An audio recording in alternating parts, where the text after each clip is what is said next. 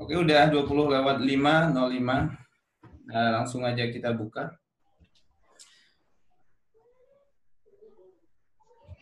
Oke, bismillahirrahmanirrahim. Assalamualaikum warahmatullahi wabarakatuh. Teman-teman semua, sahabat semua, di mana pun berada. Eh, khususnya yang hadir ya, bergabung di program Love Talk ini. Ini adalah program yang pertama kali kita adakan. Jadi, ini memang uh, apa aja ya? Mungkin di antara teman-teman ada yang nanya gitu ya apa aja di program Love Talk ini? Bentar ya.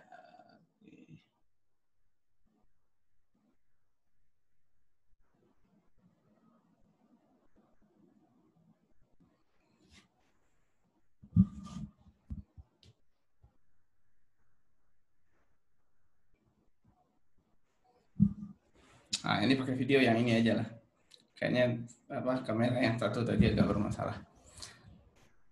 Jadi teman-teman semua, sahabat semua, Love Talk ini adalah uh, sebenarnya program ngobrol-ngobrol aja. Jadi di sini saya nggak akan ngasih materi, uh, nggak ada materi. Ya, jadi uh, di program ini kita akan bercerita, kita akan ngobrol tentang cinta. Ya, yang mana bahan obrolannya adalah dari teman-teman semua. Ya, jadi nanti teman-teman boleh nanya, boleh sharing juga boleh ya, mau uh, menceritakan pengalamannya mungkin ataupun hal lainnya uh, seputar kehidupan cinta, pranikah, pernikahan, move on, galau, dan patah hati. Nah, insya Allah rencananya kita akan rutinkan ya, kita akan rutinkan kegiatan ini setiap hari Jumat malam. Uh, Jumat malam pukul uh, 20.00 sampai selesai. Ya. Kemungkinan sampai jam 9 ya, sejam aja cukup saya rasa. Jadi nggak terlalu lama juga. Nah, biar lebih serunya, di sini saya ditemani oleh sahabat saya, yang akrab disapa disapa Kak Fakih ya. Mungkin teman-teman yang sudah ikut webinar saya udah udah kenal ya dengan beliau. Jadi Kak Fakih ini adalah seorang uh, ayah muda dan juga seorang suami muda. Ya usianya memang masih muda ya, Fakih ya. Usia antum berapa? Iya, udah. Aduh, usia jangan disebut lah udah, biar ditebak aja. Apa? usia usia jangan disebut biar ditebak aja usia ya, usia saya nggak muda lagi ya kita anggap muda lah gitu ya. Iya iya nah, iya itu iya. teman-teman semua ya.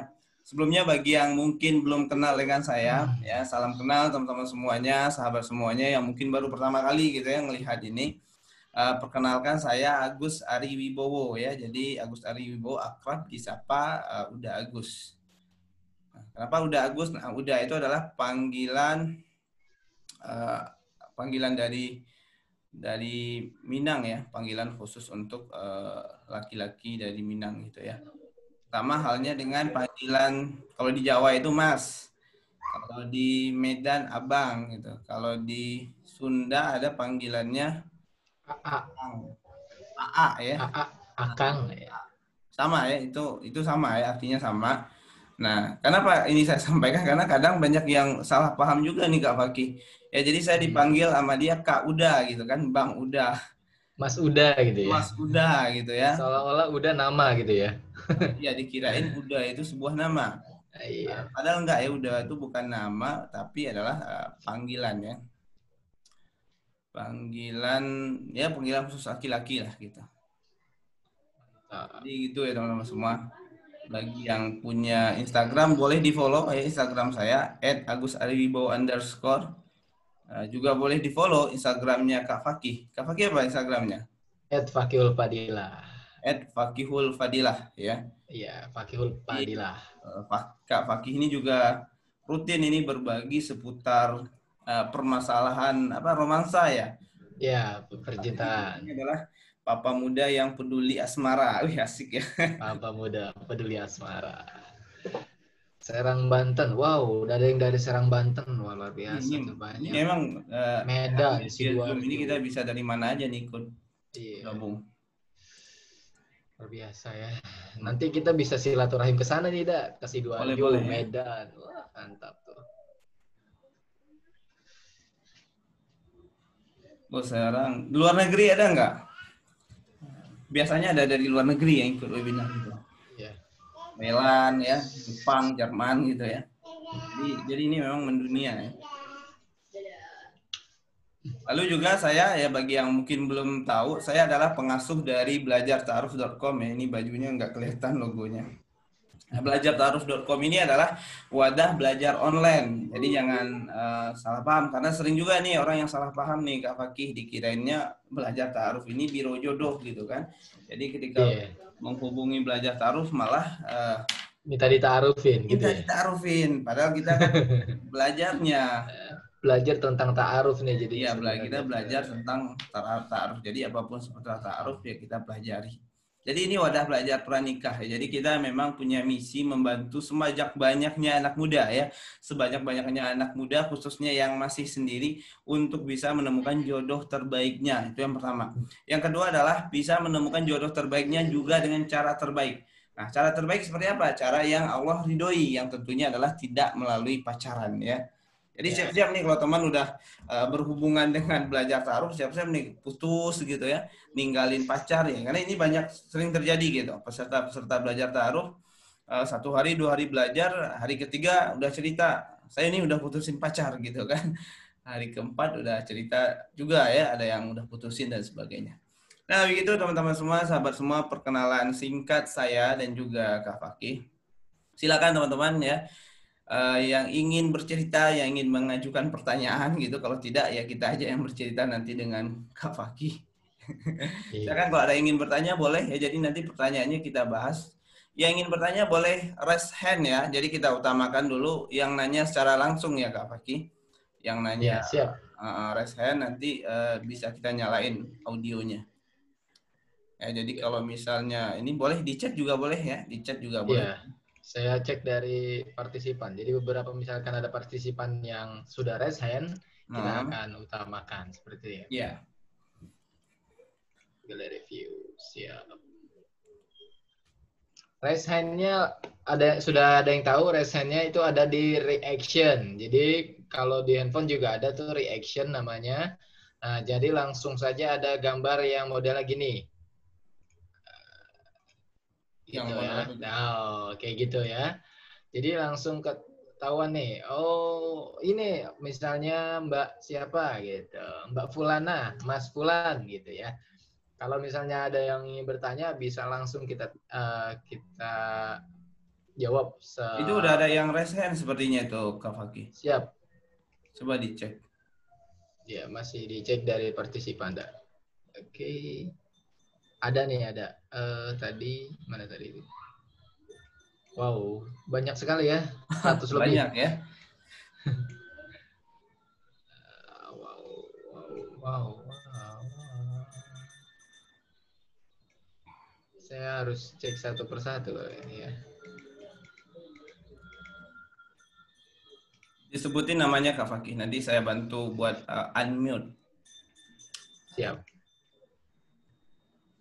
Kalau banyak ada, bisa dipilih Ada yang resen terus tadi tiba-tiba hilang. Oh, mungkin kepencet ya.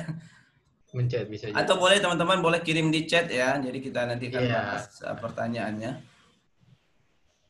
Bagi yang sudah memendam pertanyaan yang sangat dalam. Ya. Yeah. Kita akan ngobrol-ngobrolin ya. Tapi jadi... jangan tapi jangan tanya jodoh saya siapa udah. Jodoh saya siapa Kak Faki? Waduh. kita belum tahu tuh kalau jodohnya siapa. Oke, saudara. Surabaya hadir. Surabaya, Blitar, Kebumen. Blitar, Kebumen. Ada orang Pasaman ini, orang kampung saya ya, satu kampung kita. Pasaman Barat, Sumatera Barat ya. Sama-sama orang Barat, dari Barat kita. Iya, iya, iya.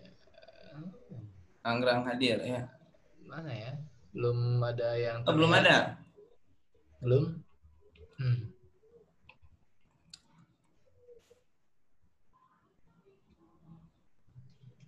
bisa langsung ada nih uh, dari Syarifah Aini udah SY pakai Y bukan enggak SY ya SY saya unmute ya ya unmute unmute ya. Uh, coba dari udah. Saya udah unmute tapi belum bisa. Coba dari udah mungkin. Bentar ya. Sudah ya? Oh udah udah bisa ya? Udah silakan, silakan. Mbak silakan uh, Mbak Syarifah silakan. Baik, Bismillahirrahmanirrahim. Assalamualaikum warahmatullahi wabarakatuh. Waalaikumsalam. Warahmatullahi wabarakatuh. Uh, mau gini dah. Uh, beberapa apa namanya sebelum Lebaran kemarin. Hmm.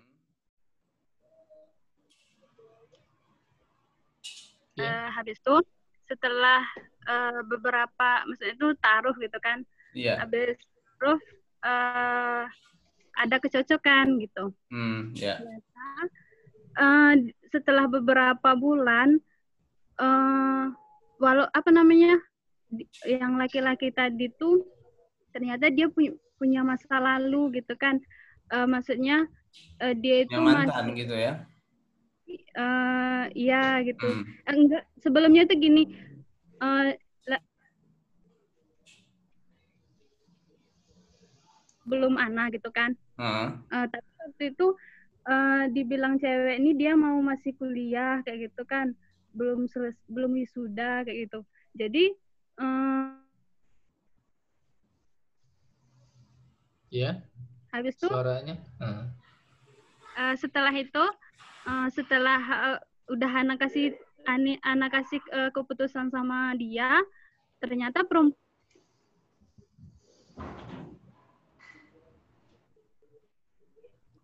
Ya. Terus ap- apa namanya Eh, kemudian laki-laki itu pun apakah maksudnya gimana caranya untuk ngatasi eh, perempuan yang sebelumnya gitu ha sedangkan dia sudah memberi kepastian kepada Ana gitu kan Eh, lalu gimana nih menurut Uda apa yang Ana harus lakukan terhadap eh, laki-laki tadi tuh gitu Maaf, Mbak. eh, tadi dia laki-lakinya itu balik lagi gitu sama mantan yang sebelumnya ya. iya Oh, dia berhu oh, ngejalin hubungan lagi. iya Nah, Mbak udah pernah nanyain belum terkait hal ini kepada laki-lakinya? Minta apa kejelasan dari dia kenapa demikian gitu? Eh, gimana dah Eh, minta tanyain ke dia ke laki-lakinya kenapa dia eh, menjalin hubungan lagi dengan mantannya kan eh, udah cocok dengan Mbak gitu kan? Iya. Udah pernah Ah. dilakukan? udah pernah kan Hmm. udah udah pernah ditanya katanya gini "Eh, saya tuh ndak eh, apa namanya walaupun masih sayang sih sama dia tapi Mm-mm. pengen eh, kalau pernikahan tuh eh, kita tuh mencari yang terbaik kan kayak gitu dan saya Iya. rasa dia tuh nggak sama mantannya tuh gitu karena Masih udah ada pernah masih ada ini ya potensi pengen balikan gitu ya Mbak? Eh, kalau dari dianya katanya sih enggak, cuman dari Ah. ceweknya itu kayak ngejar-ngejar Oh.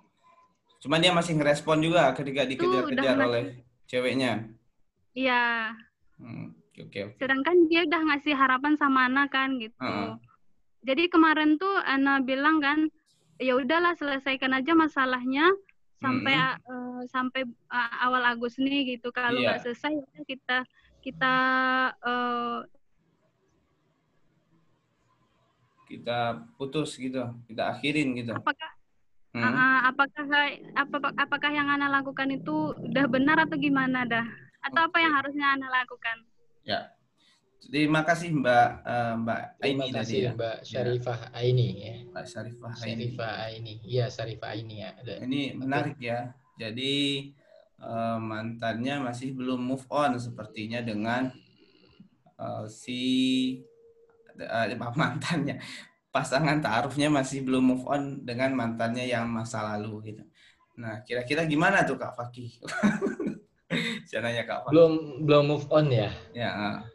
Jadi karena belum move on. Yang belum move on ini Mbak Sifa Syarifahnya atau bukan. Yang eh, belum move on itu wanita ma- yang jadi mantan dari calon Mbak Syarifah. Jadi Wow. Mbak Syarifah ini punya calon dan calonnya ini masih menjalin hubungan dengan mantannya. Iya. Jadi Mbak Syarifah ini calonnya, calonnya Mbak Syarifah Calon Mbak ini Syarifah masih ini masih menjalin Ah. hubungan dengan mantannya. masih menjalin hubungan dengan mantannya. Hmm. Ya memang harus diselesaikan dari si prianya kan ya. Prianya ini Ya. harus tegas kan mau ke mana gitu, mau ke tetap ke Mbak Syarifah atau uh, ke mantannya gitu kan. Ya. Lebih ketegasan pada si pria. Kalau dari saya ya ada. Mungkin dari udah ada tambahan lain.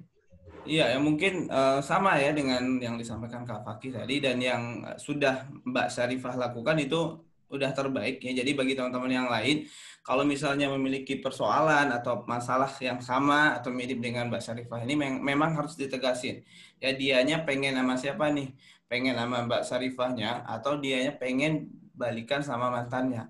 Ya jadi kalau misalnya dia pengen sama Mbak Syarifahnya, maka dia harus komitmen untuk tidak membangun atau menjalin hubungan lagi dengan mantannya ya meskipun itu cuma chat, teleponan dan sebagainya. Kenapa? Karena khawatirnya nanti permasalahan ini sampai uh, setelah menikah ya. Jadi kalau misalnya dia di masih uh, biarin komunikasi, chat dan sebagainya itu kalau sampai udah nikah masih melakukan hal itu jadinya uh, masalah yang lebih besar tentunya ya. Uh, udah menikah dengan Mbak Syarifah misalnya terus nyata mantannya masih chat ya, masih tanya kabar dengan si mantannya ya. Jadi disuruh dia memutus hubungannya. Ini bukan memutus silaturahim ya. Jadi bagi teman-teman ini sering juga yang mengatakan kalau yeah. putus hubungan sama mantan itu putus silaturahim enggak enggak itu enggak memutus silaturahim dan itu malah sebuah eh, keharusan gitu. Kenapa? Karena uh, mantan itu sebenarnya lawan jenis yang bukan mahram itu dalam Islam sendiri ada adab-adab uh, pergaulannya ya. Pergaulan kita dengan lawan jenis itu. Jadi bukan memutus silaturahim. Jadi jangan takut ya jangan khawatir. Karena uh, ini memang banyak terjadi ya. Kalau mau diputusin nih mau nggak ada komunikasi sama sekali ini malah disebut memutus hubungan silaturahim gitu. Nah kalau misalnya si cowok ini misalnya kayak disampaikan oleh Mbak uh, Sarifah tadi sampai bulan awal Agustus belum ada uh, apa tadi? Belum kejelasan. ada kejelasan. kejelasan ya. Mbak Syarifah menegaskan ya udah saya yang mundur gitu. Itu jauh lebih baik ya. Itu jauh lebih baik uh, bilang uh, Mbak Syarifahnya yang mundur yang mengakhiri prosesnya dan ya si cowoknya ya biarin aja terserah dia gitu. Mau balik balikan sama mantannya dan sebagainya. Karena apa? Ini memang masalah yang pelik ya. Masalah patah hati masalah move on ini memang pelik apalagi uh, bagi sebagian laki-laki memang agak ada agak berat-beratnya juga ya kali ya Kak Fakih. Iya. Jadi kadang-kadang hmm. laki-laki itu kan suka dia pengennya sama si A atau pengennya sama si B. Jadi itu masih masih bimbang dan pelin Nah, biasanya yeah. kalau yang kayak gini rata-rata laki-laki yang tidak tegas dengan dirinya. Nah, yeah. sikapnya Mbak Syarifah sih lebih tepatnya gini, dah. Jadi mengambil ketegasan gitu, mengambil yeah. alih ketegasan tersebut gitu. Ya, jadi kalau memang laki-lakinya nggak bisa tegas sama dirinya, gimana nanti ketika mengarungi rumah tangga kan seperti yeah. itu. Gitu kali ya udah ya. Iya benar. Jadi memilih laki-laki kan bagi teman-teman semua yang wanita adalah memilih pemimpin dan salah satu uh, tanda dari pemimpin yang baik itu tentu adalah yang tegas gitu ya tegas uh, kepada dirinya sendiri gitu ya tegas kepada uh, mantannya dan sebagainya. Dan dia bisa memutuskan jadi nggak dalam kebimbangan. Kalau ini kayaknya laki-lakinya ini masih masih galau ya Kak Faki ya. Jadi iya, masih, masih galau. ini nggak tahu nih jodoh yang mana gitu kan. Artinya hmm. dia uh, belum move on juga kemungkinannya dia mungkin belum move on hmm. juga. Jadi hmm. masih ada mungkin sedikit perasaan gitu kan. Yeah. pengen balikan mungkin ada ego dan sebagainya gitu. Hmm Nah, ini ya di sini di sini kita nggak menjerumuskan maksudnya Mbak Sarifah harus melakukan hal apa gitu ya. Iya. Jangan sampai nanti jadi salah tangkap gitu ya. Iya. Uh, karena memang kita sebagai wanita perlu tahu bahwa laki-laki itu kadang memiliki beberapa wanita di belakangnya yang harus ini pengalaman dia. Ya. maksudnya saya lebih aware gitu ya kepada hmm. wanita itu sebab karena itu ya jangan yang punya cadangan gitu ya. Nah, gitu khawatir seperti itu. Nah, akhirnya Mbak Sarifah ini jadi berharap 100% nih. Nah, ini kan hmm. uh, menjadi janggal gitu, dah. Jadi apa? Hati itu galau gitu. Galaunya yeah. akan tingkat lebih parah gitu kan. Nah, kalau misalkan hari hati kita tetap dipautkan kepada Allah, maka hmm seterusnya kita juga akan tetap ke Allah gitu kan. Yeah. Kayak gitu. Baru saja saya bikin video tadi tuh dah khusus yeah, wanita tuh. Spesial wanita. Mm. Yang dari di Instagram. Jadi tentang harapan. Jadi kepada siapa kita uh, meletakkan harapan gitu. Yeah. Seperti itu. Uh, dilanjut mau lanjut pertanyaan lagi atau gimana? Boleh, boleh, silakan. Ada yang udah angkat tangan. Ini lagi. ada yang resensi, yang resen oh, ya, yang U. U, U siapa itu? U. U U ini Mas atau Mbak? U. Oke, kalau yang U-nya nggak ada, kita lanjut lagi ke Wiranti. Mbak Wiranti, silakan Mbak Wiranti. Mbak Wiranti, saya unmute ya. Sudah? Ya. Silakan Mbak Wiranti. Ya, terima kasih. Eh, Mas, ya, Assalamualaikum warahmatullahi wabarakatuh. Waalaikumsalam warahmatullahi wabarakatuh, Mbak Wiranti. Perkenalkan saya Wiranti dari Pontianak, Kalimantan Barat. Ya, um, izin bertanya nih, udah yang kan kita tahu sendiri kan akhir-akhir um, ini ada yang viral tuh yang soal ta'aruf yeah. yang uh, terus uh, itu yang jadi gimana ya uh, untuk ngasih taunya kayak si lelaki yang menghubungi pihak wanita secara personal gitu kan. -huh. ya antara antara mereka tanpa perantara. Nah yeah. itu gimana menurut Uda dan Mas Fakih soal hal tersebut? Apakah dibolehkan atau gimana? Nah terus uh, sama gimana kalau misalnya si wanitanya yang duluan pengen gitu uh, gimana ya kayak mengajukan ingin taaruf dengan si lelaki itu gimana itu aja sih okay. udah terima kasih nah, ini yang ini kali ya kak Faki kak Faki udah tahu belum nih yang menanyakan eh, suami idamanmu seperti apa gitu yes dan ini memang banyak ya, ya banyak, kak, lebih alangkah baiknya kan memang uh, Iya, bentrok ya. Gimana silakan. Silakan, silakan Kak Fakih. Ya. Ini Kak Fakih udah tahu belum uh, yang ditanyain? Alangkah baiknya memang kan ya, tentang telepon tadi ya. Yang saya tangkap yang tentang telepon. Bukan, yang yang ini, ini yang lagi viral ada kisah apa? Mungkin uh. salah seorang selebgram ya kayaknya mungkin itu yeah. ya yang yang okay. dia uh, nge-DM seorang akhwat terus ngajak taruh secara personal tapi e, dimulai dari berbagai kata-kata yang e, mungkin e, menyentuh perasaan, bikin baper ya misal e, pertanyaannya diawali dengan suami idamanmu seperti apa gitu. Is yang kemarin itu ada juga tuh pertanyaan seperti itu ya, Iya, ya, ada, ada juga. Saya ya. bahkan pernah nemu seseorang yang dikirimin chat kayak gitu gitu dan dia konsultasi ke saya nanya ini gimana ya saya dikirimin chat kayak gini uh, suami idamanmu seperti apa gitu. Artinya sesuatu yang dilakukan oleh seorang yang mungkin sudah uh, terkenal gitu ya. Uh, itu mudah ya ditiru oleh orang lain gitu kan. Nah, pertanyaannya Mbak tadi adalah hal tersebut bisa dikatakan ta'aruf atau tidak kan begitu. Nah, yang namanya ta'aruf salah satu pembedanya dengan pacaran adalah mengajaknya itu bukan melalui personal ya. Kalaupun mengajak secara personal itu di awal-awal saja. Ya misalnya nih seorang ses, uh, ada seseorang cowok misalnya kita sebut ya namanya Budi gitu ya. Uh, Budi ini mengajak uh, melatih ta'aruf dan dia nggak tahu sama sekali nih uh, orang yang bisa dijadikan perantara untuk mengajak ta'aruf si melati. Nah, harusnya Budi ini nyari tahu dulu ya, nyari tahu kira-kira ada nggak nih perantara. Tapi setelah dia berusaha untuk mencari tahu apa perantaranya ternyata nggak ketemu-ketemu. Nah, ketika kondisinya begitu, dia boleh ngajak taruh, tapi dia langsung to the ya. Misalnya dia bilang, Assalamualaikum Mbak Melati, mohon maaf sebelumnya, uh, saya tertarik ingin mengajak uh, Mbak Melati untuk taruh. Tapi saya belum menemukan perantara yang bisa saya minta bantuan untuk mengajak taruh. Jadi saya minta tolong ya, kalau misalnya Mbak Melati uh, mau taruh dengan saya, itu untuk memberikan nomor kontak ayahnya atau mungkin kakaknya yang bisa dijadikan antara ta'aruf. Jadi setelah ini saya akan komunikasi dengan kakaknya Mbak Melati atau bapaknya Mbak Melati.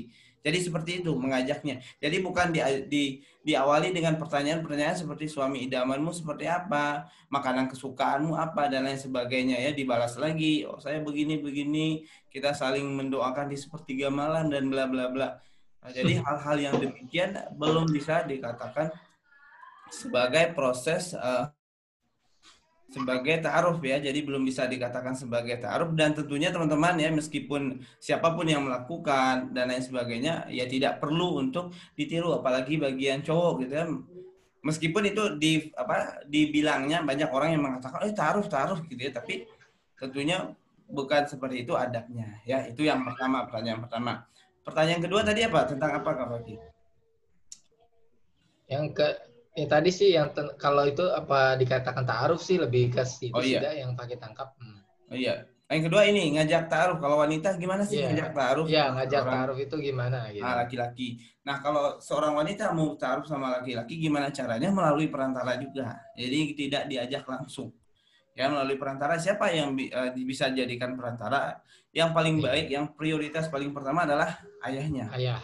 Ya, Ayah. ini ini ada eh, teman ada teman gitu dia laki-laki cowok itu didatangi oleh ayah wanita. Jadi ini zaman sekarang masih terjadi kok kayak gini. Jadi ini bukan sesuatu hal yang yang yang yang asing, suatu hal yang tabu enggak. Ini masih sering terjadi seorang ayah laki-laki eh wanita mendatangi laki-laki dan eh, mengajak eh, untuk taaruf atau memintanya untuk menikahi anaknya gitu. Jadi kalau misalnya nih wanita nih tertarik gitu ya, tertarik dengan taaruf dengan seseorang, maka ceritakan, sampaikan kepada ayahnya, kepada orang tuanya. Atau mungkin kalau nggak ke ayah dulu ya kakak boleh ya, kakak tentunya adalah kakak yang laki-laki. Nah, nanti ngasih taunya gimana si ayah ini, siapa? Si perantara ini. Atau mungkin teman-teman kalau kayaknya keberatan deh gitu kan kalau ngomong langsung sama orang tua. Gimana yang ngajak ini sama orang tua? Kan ada juga tuh yang kasusnya kayak gitu mungkin ragu atau segan bisa minta tolong sama teman ya sama teman atau sahabat yang dipercaya. Nah saat caranya gimana? Caranya minta si uh, sahabatnya ini untuk menanyakan kepada seseorang yang membuat hatinya tertarik tadi yang yang dia suka tadi untuk menanyakan. Yang pertama adalah tanyakan dulu kesiapannya untuk menikah ya. Jadi Iya. tanyain dia udah siap nikah atau belum? Jadi nggak langsung tuh di poin disampaikan. Kalau diajak taruh enggak Ya, yang pertama ditanyain dulu dia sudah siap nikah atau belum. Dan yang kedua adalah apabila dia mengatakan dia siap menikah, maka tanyain dia sudah siap ta'aruf atau belum atau mungkin dia sudah punya calon dan sebagainya. Ya. Jadi kalau misalnya jawaban pertama, oh saya belum siap nikah, berarti nggak perlu lanjut lagi ke jawaban kedua. Jadi nggak perlu dikasih tahu ada wanita yang mengajak dia ta'aruf. Jadi cukup sampai pertanyaan pertama aja. Ya, jadi pertanyaan pertama itu adalah ditanyain dia udah siap menikah atau belum. Nah, yang kedua itu adalah ditanyakan eh, dia sudah ingin taruh atau enggak ya atau udah punya calon atau bagaimana gitu ya. Nah, kalau misalnya dia belum punya calon, dia masih apa? Dia masih sendiri gitu kan dan dia udah siap, siap nikah juga, coba eh, disampaikan oleh perantaranya. Misalnya bilang gini, "Eh, Mas Budi, Mas Budi, ini ada nih wanita solehah yang dia masih ih, eh, sendiri, belum ada calonnya juga, dan kayaknya saya lihat rasa-rasanya cocok nih sama Mas Budi. Ini perantaranya ngomong kayak ini nih sama Mas Budi. Nah, kira-kira Mas Budi mau nggak mencoba untuk taaruf dengan dia? Ya, jadi mau nggak mencoba taaruf dengan dia? Kalau misalnya mau, saya bantuin nanti gitu. Jadi perantaranya ngomong gitu. Nah, dari obrolan tadi, teman-teman tentu menangkap bahwa di sini nggak terlihat kalau si wanita ini eh, yang mengajak taaruf duluan. Ya, jadi nggak nggak ketahuan gitu ya. Kecuali kalau yang jadi perantaranya adalah ayahnya atau kakak laki-lakinya. Tapi kalau mungkin pakai sahabat, lewat sahabat bisa dengan metode seperti itu. Jadi nggak ketahuan kalau si wanita yang mengajak taruh duluan ya. Karena perantara ngomongnya begini, Mas Budi ini kayaknya ada wanita yang cocok sepertinya dengan Mas Budi. Kira-kira mau nggak Mas Budi taruh dengan dia? Kalau misalnya mau saya bantuin. Ya jadi seolah-olah eh, si Budi ini dalam pikirannya, oh kayaknya saya dicomblangin nih gitu ya. Jadi mungkin dia nggak kebayang, nggak kepikiran kalau diajak taruh. Jadi yang seperti ini lebih elegan tentunya gitu ya. Eh, Kalau melalui sahabat ya daripada ngomong langsung, oh Budi ini ada cowok ada ada wanita lo dia suka sama kamu mau nggak sama dia. Jadi nggak demikian cara eh, cara menyampaikannya. Ya, jadi kalau misalnya tanyain gitu, ah nggak mau gitu kan, jadinya si wanitanya malah bisa jadi malu ya atau mungkin eh, merasa nggak enak gitu ya, karena ditolak gitu. Jadi lebih baik eh, disampaikan dengan cara yang seperti tadi.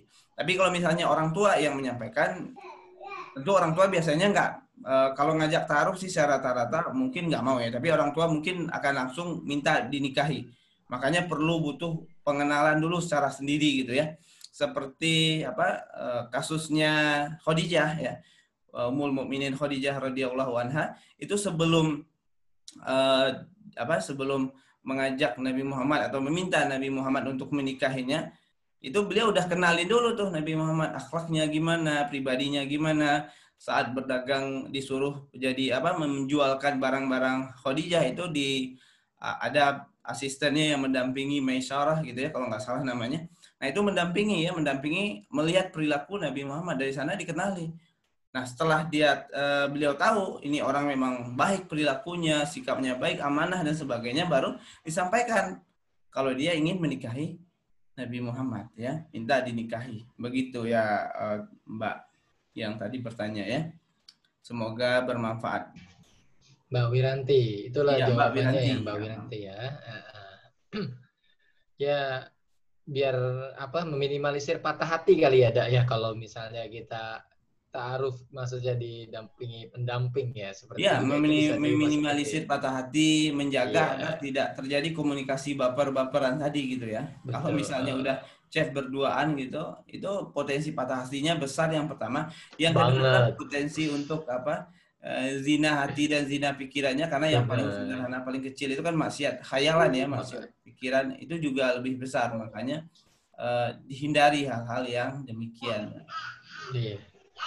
Ada pertanyaan lewat chat nih, Dak. Mau dibacakan boleh, atau gimana? Boleh, boleh Siap. dibacakan Kak Fakih. Dari Kak Debi. Assalamualaikum Muda. Perkenalkan, saya Debi. Saya pernah berencana mau nikah tahun 2009, tapi calon saya meninggal. Innalillahi wa inna ilaihi. Terus berduka ya, Kak Debi. Setelah itu saya tidak dekat dengan siapa pun karena saya nggak mau pacaran. Sekarang usia saya sudah 38 tahun dan belum menemukan calon pasangan. Sebenarnya saya ingin bertaaruf, tapi saya tidak punya mediator. Saya harus gimana dah? Orang tua sudah mendesak banget supaya saya segera menikah. Ya. Didesak orang tua, Hmm. kemudian eh, karena dia punya calon meninggal gitu dah. Itu eh, Jadi- belum menikah menikahnya apakah karena belum move on atau gimana ya? Eh, mungkin bisa dicat lagi ke Kak Fakih ya. Apanya? Atau Ya. atau mungkin bisa di ini ya, saya unmute ya, sebentar. Namanya Debi, Debi A B C D E D. Ah, ini ada nih. Iya. Silakan Kak Debi. Ah, belum bisa ya. Hmm. Ya, silakan. Kak Debi. Ya. Iya, halo, assalamualaikum. Waalaikumsalam. warahmatullahi wabarakatuh. Iya, ya pertanyaannya apa? Belum belum menikah karena apa tadi? Eh, karena karena ada masalah belum move onnya enggak? Mbak? Ada masalah karena belum Enggak, move onnya enggak. nggak? Oh, berarti Eh, memang udah move bukan, on ya? bukan masalah belum move on. Iya. Tapi sebenarnya gini, pada pada dasar sebenarnya sih ada aja yang setelah di setelah almarhum itu meninggal ada aja yang datang gitu istilahnya. Tapi wacananya itu seolah ngajak pacaran. Oh Dan iya. saya saya termasuk orang yang istilahnya itu sedikit tegas. Kalau saya Hmm. nggak mau, nggak mau kayak gitu. Saya Iya. nggak mau melalui proses pacaran. Kalau memang situ serius, ayo kita nikah. Temui orang tua saya, temui keluarga saya. Saya kan orang orang tua di Palembang. Iya. Sementara saya di Jakarta, tapi kan ada perwakilan orang tua di sini. Nah, setelah saya mau ngomong ngomong kayak gitu, pada kayak apa ya, kayak yang tahu-tahu hilang aja gitu. Iya. Ghosting. Saya Iya. selalu mengatakan hal yang sama dengan siapa pun Lanjut. yang punya niat pengen dekat sama saya gitu. Hmm. Saya memang nggak punya apa ya, nggak punya skill untuk apa ya, untuk bermanis-manis dengan Iya. hal-hal yang saya tuh nggak suka ngejalaninnya gitu. Hmm. Iya, iya. Jadi saya agak kesulitannya di situ sih. Kalau Ya. memang saya komunikasi dengan lawan jenis itu memang agak agak gitu seperlu seperlunya aja. Eh, Terima kasih, Mbak. Terima kasih Mbak Debi. Sama Jadi di- memang ya di mediator ya, Dak? Atau di mana, Dak? Enggak, jadi Yang yang pertama ya, yang pertama saya mau bahas dulu tentang apa sikap Mbak Devi tadi yang eh, sangat menjaga diri tadi eh, sudah sangat bagus ya, sudah baik. Memang harus tegas eh, seperti itu ya. Kalau memang dia serius ya eh, langsung suruh gitu nemui orang tua dan sebagainya gitu. Nah, saran saya yang eh, paling pertama sekali tentunya adalah eh, selalu ya selalu ini mungkin eh, reminder aja mengingatkan kembali untuk minta didoakan kepada orang tua, minta uh, ketulusan apa ridho dari orang tua ya karena memang perkara jodoh, perkara rezeki dan sebagainya tentunya berkaitan juga nih dengan hal-hal yang spiritual ya seperti itu. Lalu juga dengan ya. selalu meningkatkan ketaatan kepada Allah ya perbanyak istighfar ya istighfar amal salawat ya amalan-amalannya apa uh, ditingkatkan nah itu itu salah satu uh, saran saya mungkin untuk hal spiritualnya gitu ya tapi untuk hal uh, apa uh, menemukan jodohnya itu banyak ya cara menemukan jodoh untuk um, Mbak Debbie maupun yang lain ya teman-teman yang lain itu ada banyak jalan sebenarnya untuk menemukan jodoh. Ya yang pertama adalah bisa uh, minta tolong carikan ke orang tua ya. Kalau misalnya udah dilakukan belum ketemu juga gitu ya, minta tolong cariin ke keluarga kerabat dari ibu, keluarga atau kerabat dari ayah itu bisa fasilitasnya ke sahabat yang udah nikah misalnya. Kayak saya nih uh, sahabatnya istri saya yang belum nikah itu sering tuh minta tolong sama istri. Uh, nanya kira-kira ada nggak teman suaminya yang masih jomblo yang masih sendiri? gitu kan. Nah hal-hal yang seperti itu bisa mbak Debbie lakukan gitu ya. Jadi uh, itu dan selanjutnya adalah memperluas terus pergaulan-pergaulannya di komunitas atau lingkungan yang positif ya. Jadi kalau di Jakarta mungkin bisa ikut berbagai komunitas ya. Kenapa? Karena ketika gabung di komunitas ya, khususnya adalah komunitas yang ada pertemuan secara offline-nya juga dan sebagainya. Dan di sana uh, saya menyaksikan ya melihat sendiri banyak yang pada akhirnya adalah uh, saling bantu juga termasuk juga dalam hal perjodohan. Saya kenal istri salah satunya melalui wasilah komunitas dulunya melalui wasilah komunitas. Dan banyak juga sahabat-sahabat saya teman-teman saya yang mengenal pasangannya jodohnya dari komunitas. Jadi bukan dia kenal sendiri tapi ada ada senior mungkin yang bantu kenalin di Jakarta misalnya ada komunitas pejuang subuh ya. Saya dulu pernah itu ikut di apa komunitas pejuang subuh. Dan itu saya lihat banyak yang pada akhirnya sama-sama nikah di komunitas tersebut. Bukan mereka pacaran bukan mereka saling ajak enggak. Tapi karena kan e, dalam perkumpulan dan sebagainya kan itu agak rada dipisah ya antara yang wanita kalau misalnya ada pertemuan wanita sama-sama yang wanita ngumpulnya gitu. Yang laki-laki sama-sama yang laki-laki. Tapi di antara para seniornya atau mungkin e, sebutlah itu pengurus-pengurus e, komunitasnya itu kadang ketika ngelihat temannya masih sendiri itu bantuin nanyain ke yang pihak cowok misalnya di di anggota cowok ada nggak yang masih sendiri gitu. Ini kayaknya nih kita perlu bantuin gitu Nah, yang uh, itu ya itu memperluas pergaulan. Nah, yang terakhir tentunya adalah dengan terus-menerus meningkatkan kualitas diri ya, memperbaiki diri menjadi lebih baik dalam banyak aspek ya, entah itu mulai penampilan, skill dan lain sebagainya. Nah, kualitas dirinya oke, okay, terus pergaulannya oke, okay, insya Allah ya, insya Allah ini adalah sebagai ikhtiar bagi teman-teman dalam menemukan jodoh. Kenapa? Karena ketika orang melihat teman-teman berkualitas, ketika orang mau bantu cariin, tentunya orang juga akan mencarikan yang sekiranya kualitasnya setara ya, yang kualitasnya bagus ya. Kalau yang wanita tentunya laki-laki yang kualitasnya lebih baik lah dari yang wanita gitu ya. Uh, kurang lebih begitu ya Mbak Debbie, semoga bermanfaat ya. Jadi uh, saya, saya review ulang ya. Ini buat yang lain-lain juga, karena saya yakin ini juga mungkin teman-teman yang lain juga butuh ya butuh solusinya per, perlu selain yang spiritual tadi ya ibadah dan sebagainya perluas pergaulannya di lingkungan yang baik yang positif tentunya. Yang kedua adalah tingkatkan kualitas dirinya. Ya begitu kira-kira. Kualitas diri itu ya. yang paling terpenting dan nah. perluas pergaulannya. Iya luar biasa. Kita lanjut pertanyaan berikutnya lagi mana boleh ada pertanyaan selanjutnya boleh. Siap sebentar Assalamualaikum Muda dan Kak Faki. Saya ingin bertanya, apakah tanda jodoh itu ada rasa cinta atau klik dulu sebelum menikah? Atau bagaimana? Nah, saya beberapa kali ta'aruf, beberapa kali ta'aruf dengan ikhwan, tapi belum ada yang dalam hati terasa klik. Ya. Yeah. Dan ketika proses ta'aruf itu berlanjut ke khidbah, sampai tunangan, ternyata kami gagal menuju mahligai hmm. rumah tangga. Jadi apakah sebenarnya rasa tidak klik itu indikasi kalau belum jodoh ya? Ah itu pertanyaannya, dak. Lebih apa ya? Cari yang lebih klik gitu ya katanya yeah. ya. Lebih klik itu tanda enggak sih? Tanda indikasi jodoh belum jodoh atau gimana gitu, dak? Iya.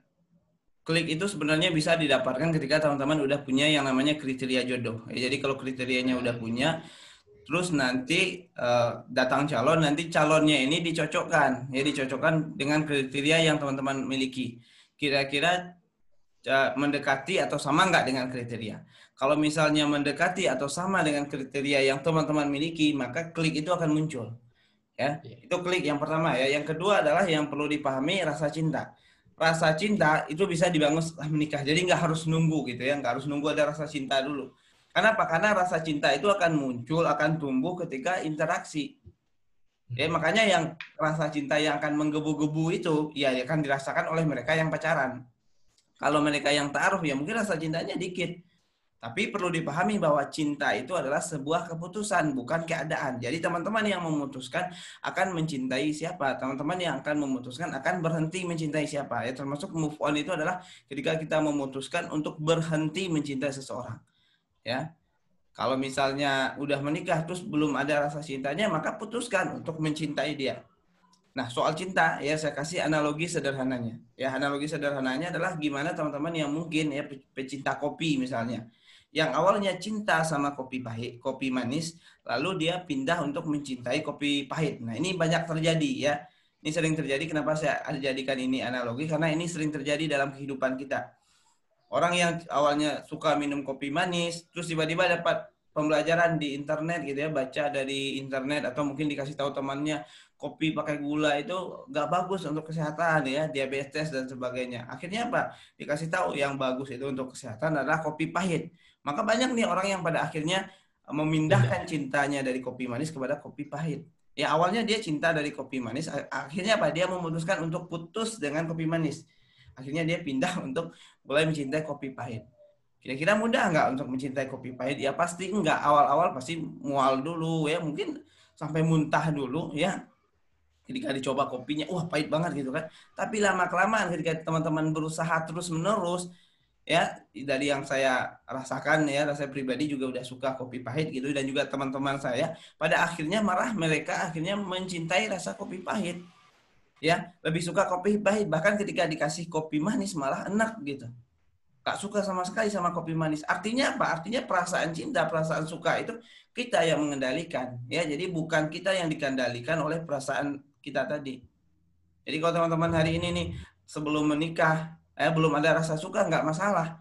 Makanya kliknya itu ditemukan dari apa? Dari kriteria yang dimiliki. Nah, sayangnya mungkin belum punya kriterianya. Jadi ketika mau menjalani proses ta'aruf dan sebagainya itu belum ada kriteria jodoh yang dimiliki. Sehingga nggak punya nih kira-kira yang ingin dijadikan patokan apa nih? Yang, yang akan dijadikan ukuran apa nih?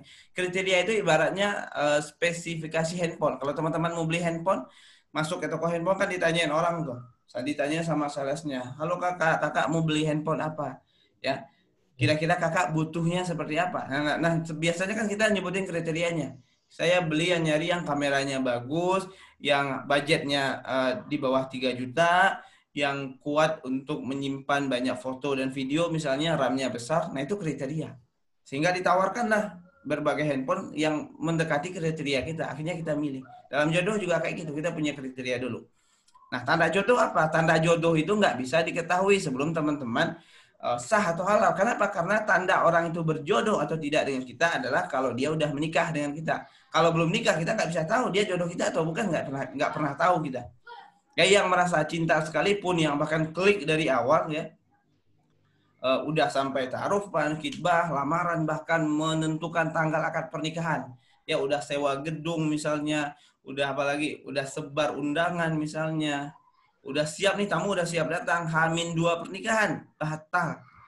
Nah kejadian kayak gini banyak banyak ya banyak terjadi sering terjadi dalam kehidupan ini tentu teman-teman pernah menyaksikan sendiri jadi rasa klik rasa suka rasa cinta ya nggak akan menjamin juga dia akan berjodoh atau enggak jodoh itu ukurannya setelah akad nikah jadi kalau orang itu udah sampai akad nikah nih dia udah akad nikah udah sah berarti memang dia itu berjodoh jadi teman-teman tahu jodohnya kapan, tanda jodohnya kapan. Kalau udah akad nikah. Jadi tanda jodoh itu satu aja.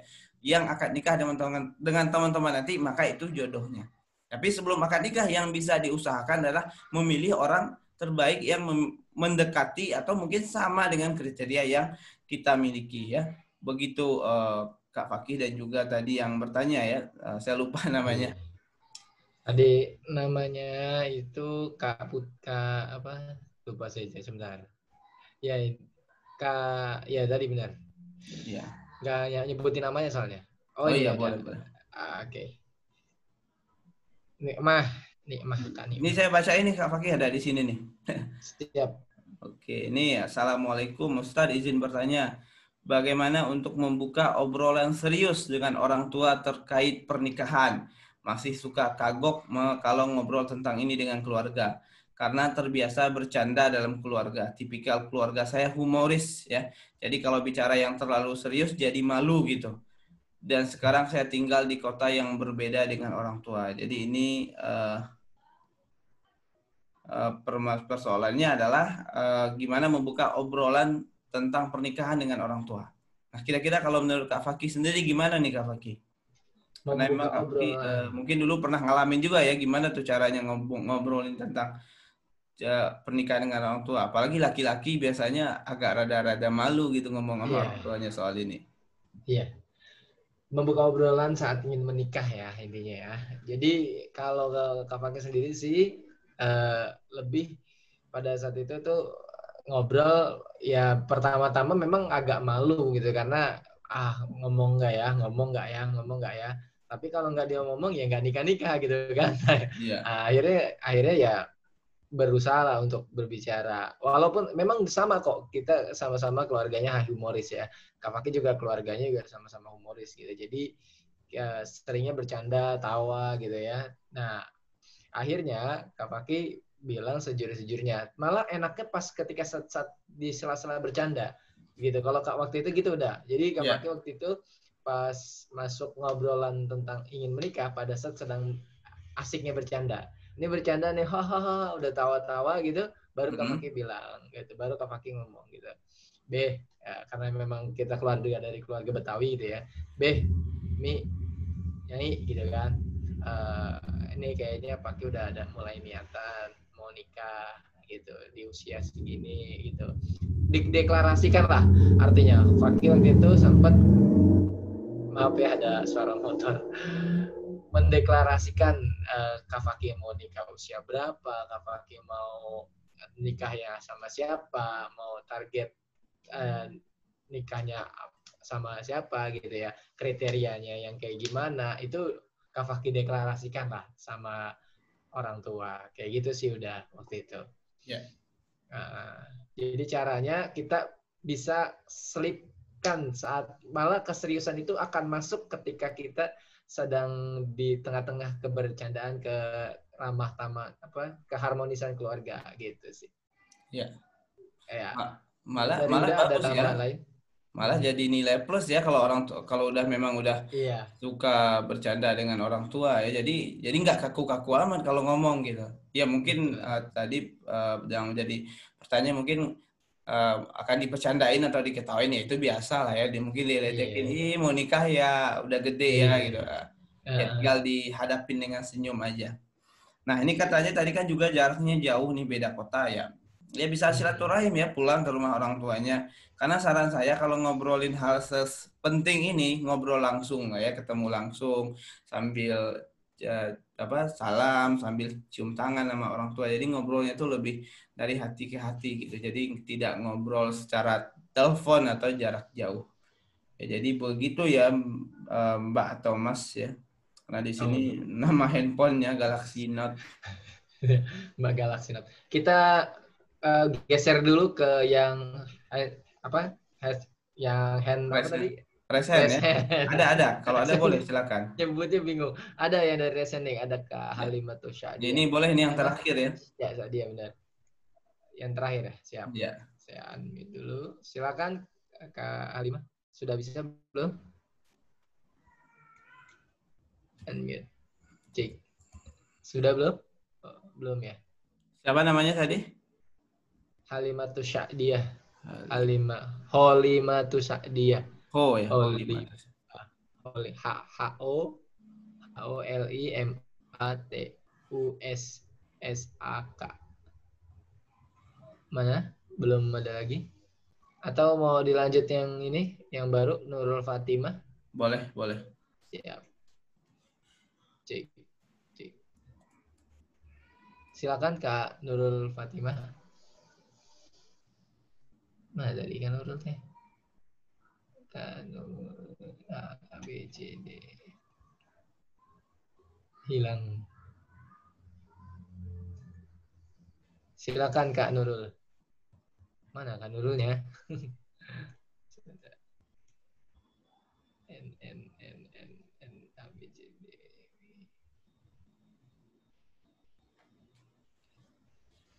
hilang. Tak ada suara. Kalau Kak yang ini aja Kak Fakih yang dibacakan saja dulu. Siap. Yang kita geser lagi ke chatting ya. Di chat itu ada Kak Putri Ramadanti. Assalamualaikum Kang, mau bertanya gimana caranya benar-benar ikhlasin seseorang yang udah lama sama-sama. Tapi keluarga terutama orang tua masih pengen saya kembali sama laki-laki itu.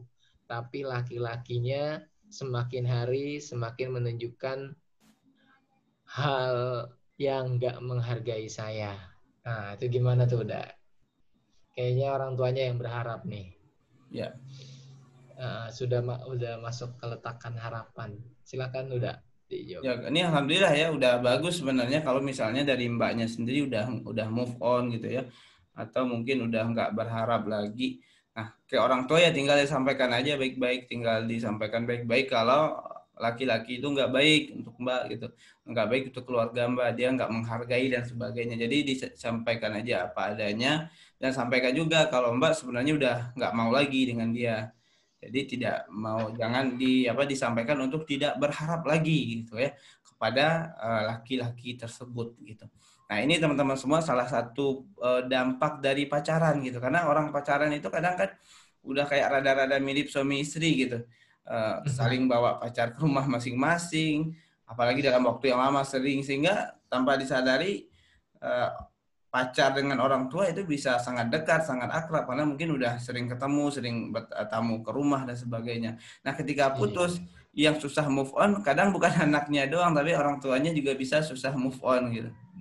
Jadi ya jadi kalau uh, ke depannya ya jangan pacaran gitu ya. Tapi insya Allah ya bisa teratasi masalah mbaknya tadi uh, dengan minta didoakan aja kepada orang tuanya dan juga jangan sampai gitu ya jangan sampai uh, ada komunikasi ini antara orang tua dengan uh, mantan tersebut. Jadi kalau misalnya mereka saling masih komunikasi dan sebagainya itu malah memperlambat move onnya orang tua gitu. Ya begitu Kak Fakih. Baik. Iya, begitu ya Kak Putri ya itulah ya kalau misalnya harapan diletakkan kepada iya. yang kurang tepat. Lanjut lagi ada Kak Rahma. Assalamualaikum Buddha dan Kak Fakih. Izin bertanya, bagaimana caranya menjaga hati untuk singgelilah supaya tidak mudah baper, tidak muncul rasa suka dengan lawan jenis. Nah itu. Syukran Sing, kasih Singgelilah itu apa ya artinya ya? singgelilah, singgelilah. menyendiri karena Allah kali. Sendiri karena Allah gitu ya. Ya sebenarnya sapaan aja kali. Iya, sebenarnya kita ya hidup itu pun ya karena Allah sebenarnya apa pun hidup itu kan lillah semuanya karena Allah. Jadi hmm. gimana agar sendiri karena Allah? Maksudnya mungkin menjaga diri agar tidak terjerumus ke pacaran kali mungkin ya Kak Bisa, maksud ke ya. situ ya. ya. Karena saya agak ini dengan istilah-istilah kekinian itu. Kadang kayak dicocok logi gitu. Cocok logi, iya. Iya gitu kan? Iya betul. Sapaan. Ya lebih ya kalau menjaga diri ya menjaga pergaulan tentunya. Misalnya nih di Instagram, di sosial media kan sekarang misalnya teman-teman yang wanita ya pastikan teman-teman yang saling follow-nya adalah yang sama-sama wanita aja. Kalau misalnya ada cowok follow apalagi nggak dikenal sama sekali ya jangan diizinkan untuk follow. Kalau misalnya dia udah terlanjur follow itu bisa dihapus ya saya kasih tahu ya.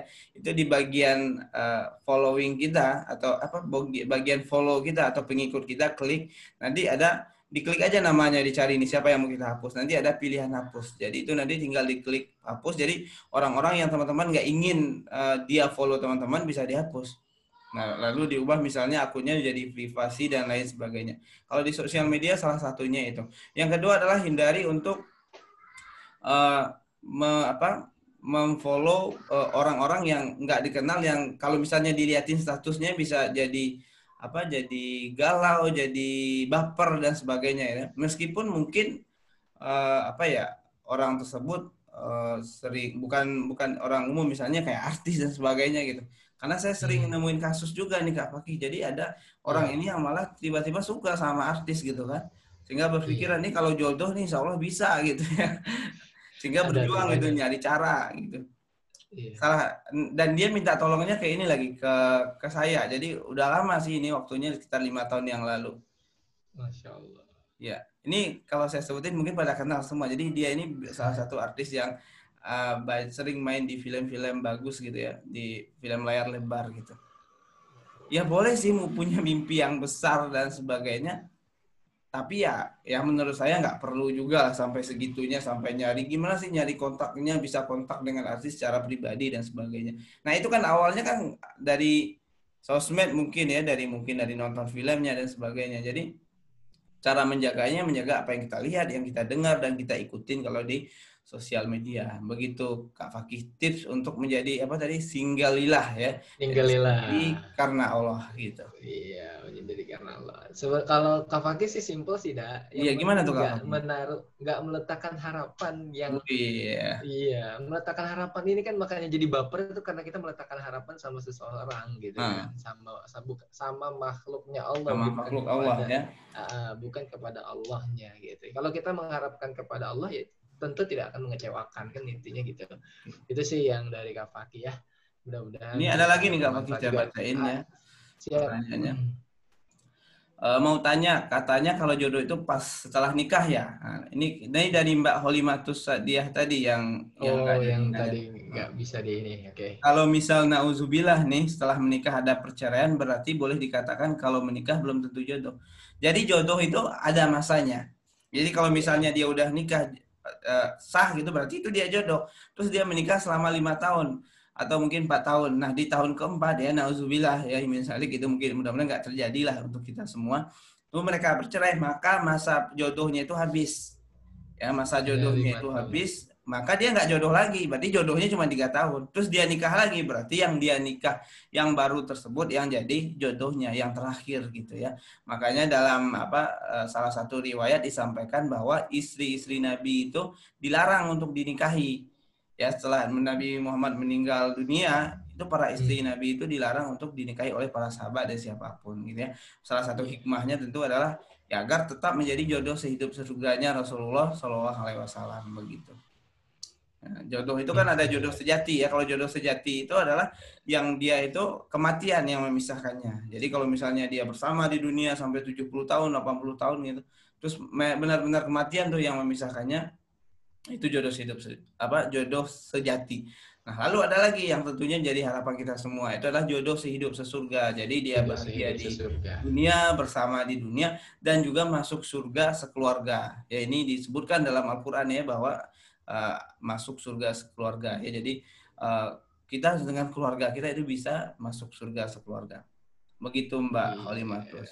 begitu Mbak Khalimatus saja ya jadi tadi katanya kalau sudah bercerai berarti nggak jodoh. Bukan nggak jodoh tapi lebih tepatnya jodohnya hanya cukup di situ gitu ya Dak ya? Iya.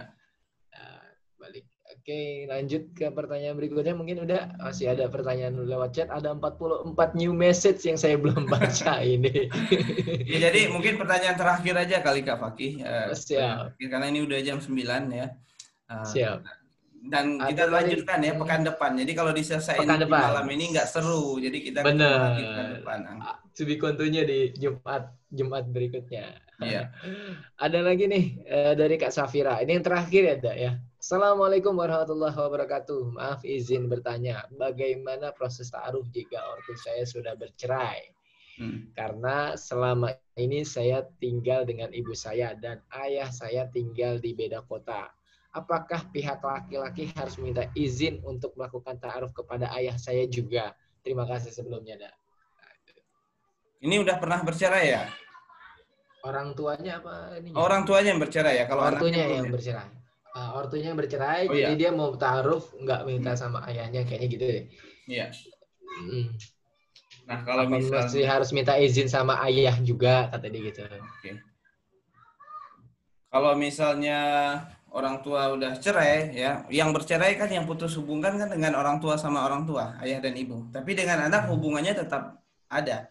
Jadi kalau bagi Mbak ya ayah masih memiliki kewajiban untuk uh, mencarikan jodoh terbaik ya. Makanya uh, ikut serta turut serta dalam memikirkan atau membantu mengikhtiarkan jodoh mbak. Dan selanjutnya adalah tentunya menjadi wali nikah juga nanti. Jadi meskipun orang tua udah cerai hubungan dengan anak ya tetap wajib gitu. Jadi saran saya kepada mbaknya itu untuk uh, membangun hubungan baik dengan ayahnya, tanya kabar misalnya, kirim hadiah, uh, apalagi biasanya tuh temuin ya, uh, ngobrolin tentang jodoh dan sebagainya ya tetap bangun hubungan baik ya jadi uh, meskipun orang tua ninggalin teman-teman semua meskipun orang tua udah uh, pergi udah nggak bersama lagi dengan teman-teman kewajiban sebagai anak itu tetap ada ya anak tetap memiliki kewajiban untuk berbakti kepada orang tuanya karena kewajibannya ini kan pertanggungjawabannya kepada Allah Subhanahu wa taala. Jadi kewajiban berbakti kepada orang tua ya itu adalah uh, bukan balas budi ya.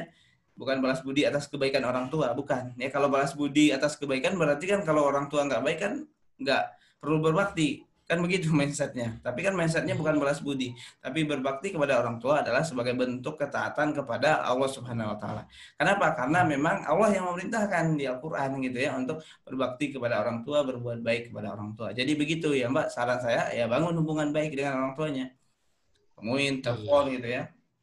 Dan Mbak uh, apa kasih hadiah dan sebagainya meskipun mungkin respon dari orang tua nggak baik atau gimana ya tetap aja dekatin terus ya karena nanti kalau nikah ya tentu ayah yang jadi wali ya karena beliau masih hidup begitu Kak Fakih. Iya. Nah, pertanyaan berikutnya kan apakah pihak laki-laki harus meminta izin juga melakukan taaruf kepada ayah saya? Kalau untuk melakukan taaruf oh, nggak perlu minta izin, tapi kalau untuk menikahi tentu perlu ya karena perlu. Eh, melamar itu ke wali ya. Mm-hmm. Jadi nanti uh, mungkin mbaknya bisa bangun hubungan baik dulu dengan ayahnya. Nanti kalau udah uh, terbangun hubungan yang baik jadi lebih mudah nanti untuk minta si laki-laki nemuin atau silaturahim lah ke bapaknya ya ke walinya tadi. Begitu. Begitu kecuali kalau udah meninggal ya. Hmm. kalau sudah meninggal ya berarti walinya kan pindah ke kakak laki-laki atau adik laki-laki atau ke paman begitu. Begitu kak Safira. Semoga ya. uh, jawabannya bisa bermanfaat lah lanjut atau gimana dak? Sudah. Kayaknya udah hampir selesai ya kita tutup. Ya, belum kita... ada kata-kata penutup saya ada informasi dulu nih untuk teman-teman ya. semua ya. Silakan. Nah, ada informasi. Nah bagi yang belum dibacakan itu nanti gimana nih dak? Apa? Besok atau datang yang lagi belum... tanya lagi gitu. Yang belum yang dibacakan pertanyaannya Iya. Kita kita ya belum dibacakan ya belum terjawab berarti. Ya bisa ditanyain pekan iya, depan lagi. Jadi pekan depan bisa nah. hadir lagi di ya. Love Talk kami ya. Jadi teman-teman bisa uh, apa bertanya kembali dengan pertanyaannya ya kita bisa nanti insya Allah mudah-mudahan kita bisa jawab. Gitu nah ya. ini ya bagi teman-teman semua yang mungkin belum terdaftar di belajar taruh karena karena sepertinya udah banyak juga di sini yang udah apa peserta kelas belajar taruh itu pendaftarannya masih dibuka sampai tanggal 3 Agustus ya. Jadi teman-teman semua di sini kita akan belajar selama 25 hari lebih kurang tentang ta'aruf. Kalau tadi mungkin pertanyaannya adalah seputar ta'aruf, seputar gimana mungkin berdamai dengan orang tua dan sebagainya. Insya Allah selama 25 hari di sini kita uh, akan sharing bareng ya, akan belajar bersama ya Teman-teman akan mendapatkan pembelajaran melalui e-book, video, konsultasi, dan tambahannya adalah ada empat kali pertemuan via Zoom ya. Kayak apa? Kayak sharing-sharing begini via Zoom nanti ya. Jadi mungkin itu aja teman-teman semua, sahabat semua informasinya dan terakhir hmm. bagi teman-teman, bagi sahabat uh, sebagai penutup dari saya ya. Uh, siapa pun di sini yang masih sendiri, yang akan menikah, tentunya adalah uh, untuk tetap yang paling pertama itu adalah menjaga dirinya, ya menjaga hatinya. Kenapa? Karena yang terjaga Allah akan pertemukan juga dengan yang terjaga. Ya wanita wanita yang menjaga diri ya, wanita-wanita yang mungkin menjaga apa? memiliki rasa malu ya tidak mudah atau tidak gampang untuk berinteraksi sebagainya dengan lawan jenis insya Allah nanti akan Allah pertemukan juga Allah akan jumpakan juga dengan laki-laki yang juga menjaga dirinya. Artinya laki-laki yang juga tidak gampang untuk uh, berinteraksi, ber apa bergombal-gombalan atau modus kepada lawan jenisnya ya. Kenapa karena jodoh kita adalah orang yang setara kualitas dirinya dengan kita. Jodoh kita adalah uh, cerminan dari diri kita ya. Kurang lebih demikian uh, dari saya. Mungkin dari Kak Fakih ada yang ingin disampaikan kepada sahabat-sahabat kita di peserta Love Talk ini? Silakan Kak Fakih Baik, kalau dari Kak Fakih, semoga buat teman-teman yang hadir, yang di sini yang masih sendiri, atau mungkin yang sudah menikah juga, semoga senantiasa yang masih sendiri semoga senantiasa diberikan jodoh sehidup sesurga oleh Allah Subhanahu wa taala dan juga di senantiasa terus meletakkan harapan hanya kepada Allah Subhanahu wa taala. Itu aja dari Kak Fakih udah Agus. Mudah-mudahan yeah. Dari kami berdua ada manfaat yang sangat luar biasa mudah-mudahan. Amin. Silakan udah. Ya, terima kasih Kak Fakih, terima kasih teman-teman semua yang udah gabung. Sampai jumpa ya. Ingat uh, pekan ya, depan Jumat. ya Jumat pekan depan. Itu kayaknya kita udah Idul Adha ya. Udah iya. takbiran Idul Adha, tapi nggak apa-apa ya bagi teman-teman yang mungkin nggak takbiran di masjid yang di rumah ya karena apalagi hari libur ya kita bareng lagi ketemu lagi di program Love Talk ini jadi teman-teman boleh ajak temannya yang lain, ya boleh ajak teman yang lain untuk gabung. Karena kita punya kapasitas Zoom ini sebanyak 500 orang ya. Jadi kalau sekarang yang hadir ada 170 orang, 70. tadi 190 ya.